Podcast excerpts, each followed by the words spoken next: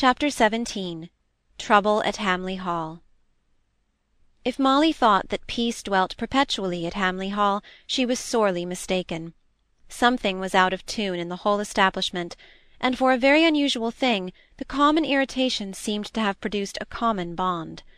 All the servants were old in their places, and were told by some one of the family, or gathered from the unheeded conversation carried on before them, everything that affected master or mistress or either of the young gentlemen. Any one of them could have told Molly that the grievance which lay at the root of everything was the amount of the bills run up by Osborne at Cambridge, and which, now that all chance of his obtaining a fellowship was over, came pouring down upon the squire. But Molly, confident of being told by Mrs. Hamley herself anything which she wished to hear, encouraged no confidences from any one else.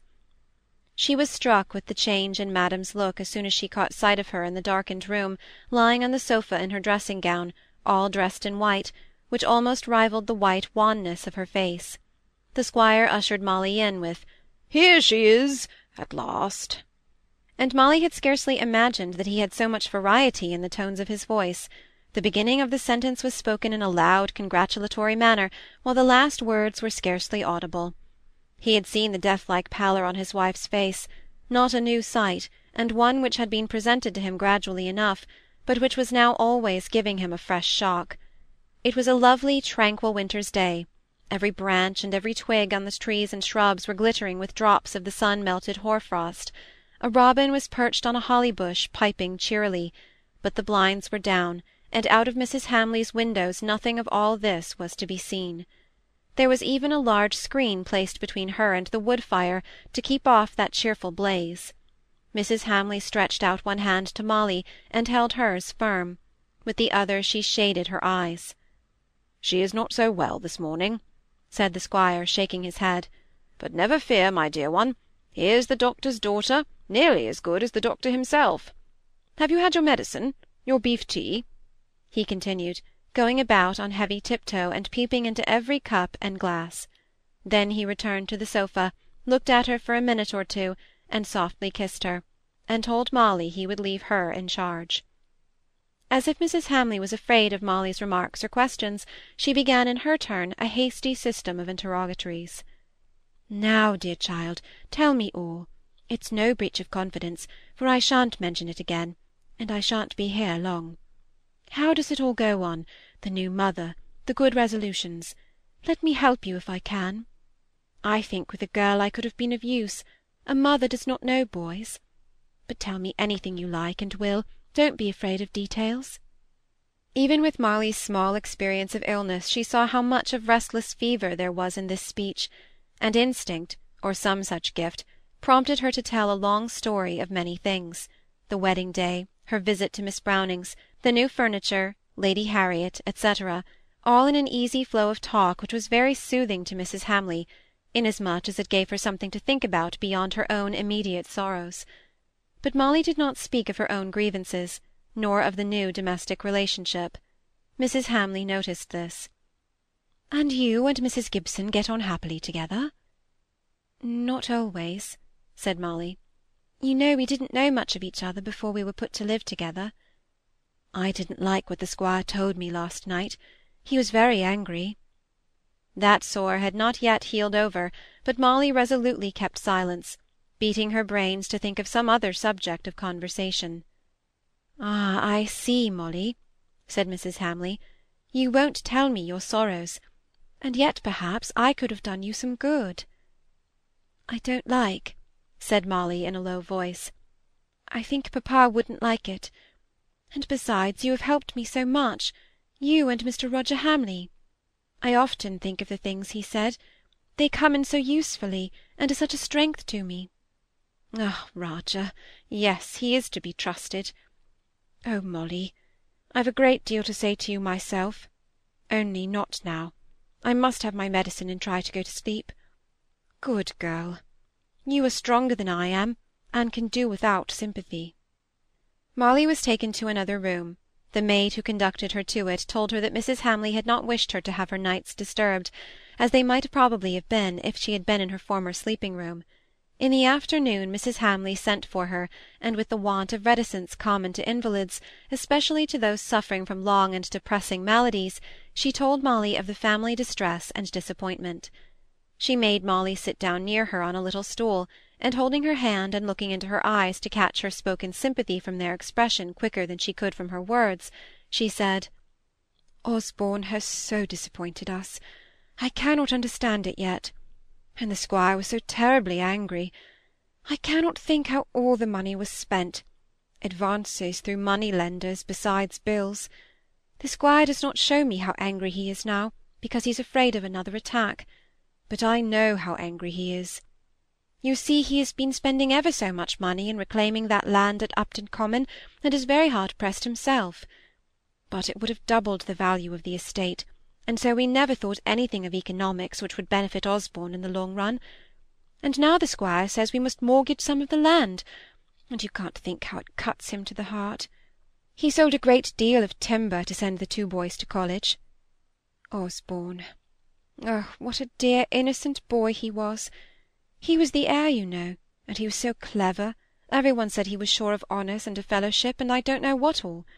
And he did get a scholarship, and then all went wrong. I don't know how. That is the worst.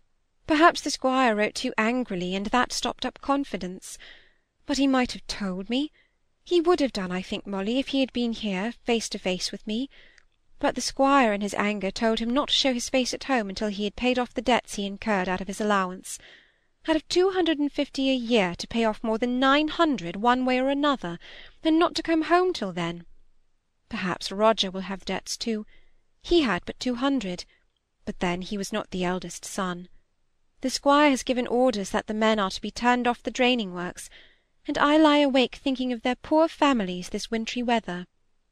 But what shall we do? I've never been strong, and perhaps I've been extravagant in my habits, and there were family traditions as to expenditure and the reclaiming of this land. Oh, Molly, Osborne was such a sweet little baby, and such a loving boy! So clever, too. You know I read you some of his poetry. Now could a person who wrote like that do anything very wrong?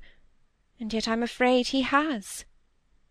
Don't you know at all how the money is gone? asked Molly. No, not at all. That's the sting. There are tailors' bills, and bills for book-binding, and wine, and pictures. Those come to four or five hundred.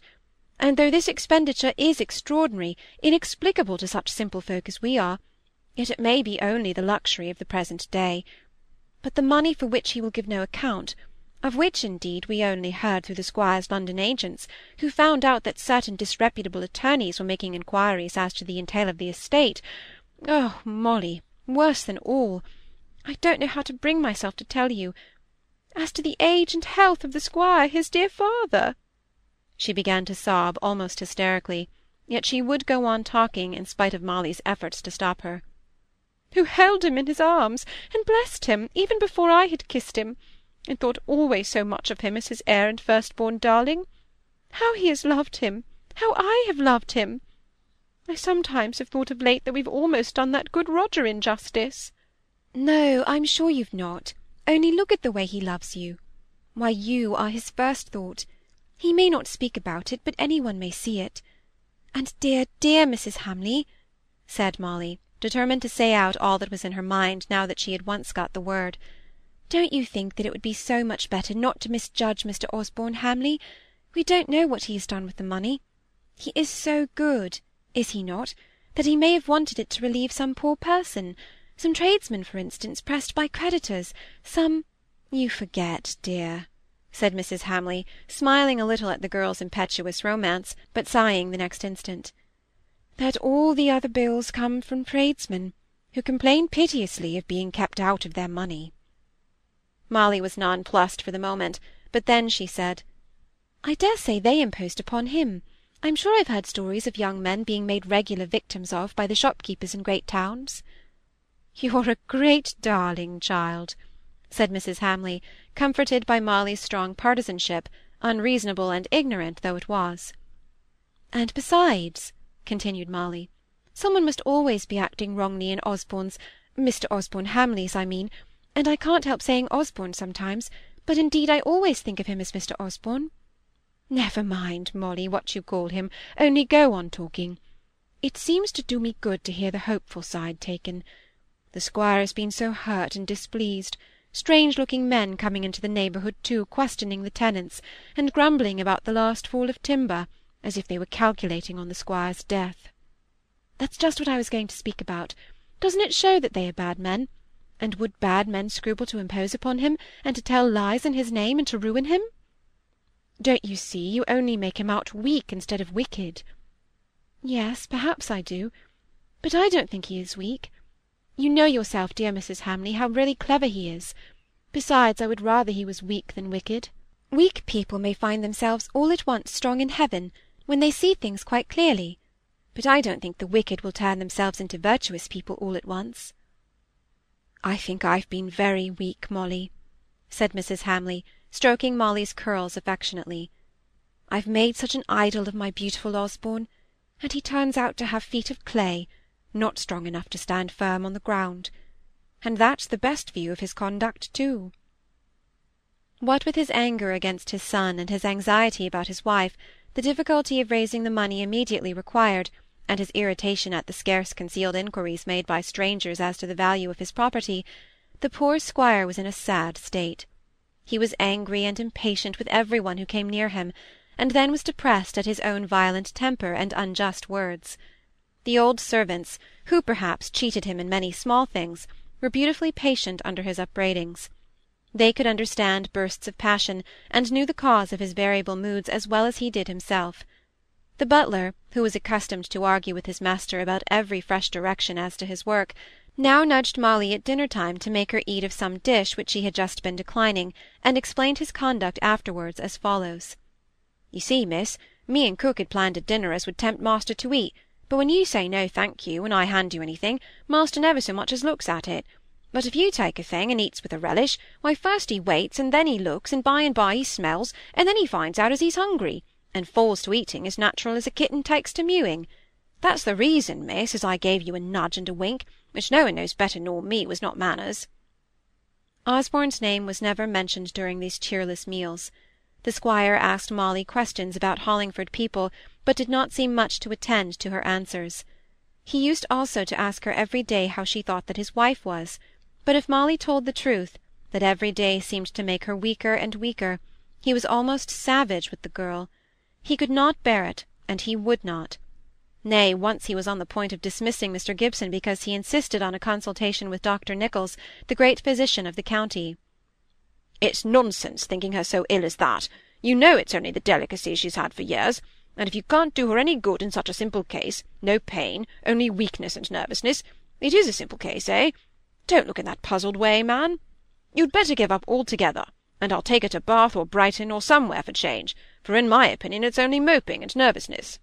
But the squire's bluff, florid face was pinched with anxiety, and worn with the effort of being deaf to the footsteps of fate as he said these words which belied his fears.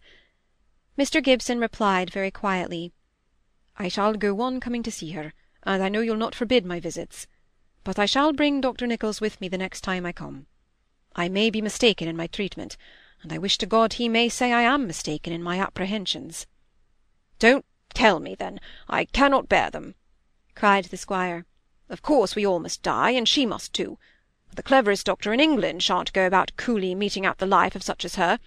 I dare say I shall die first. I hope I shall. But I'll knock down any one who speaks to me of death sitting within me. And besides, I think all doctors are ignorant quacks, pretending to knowledge that they haven't got. Ay, you may smile at me, I don't care.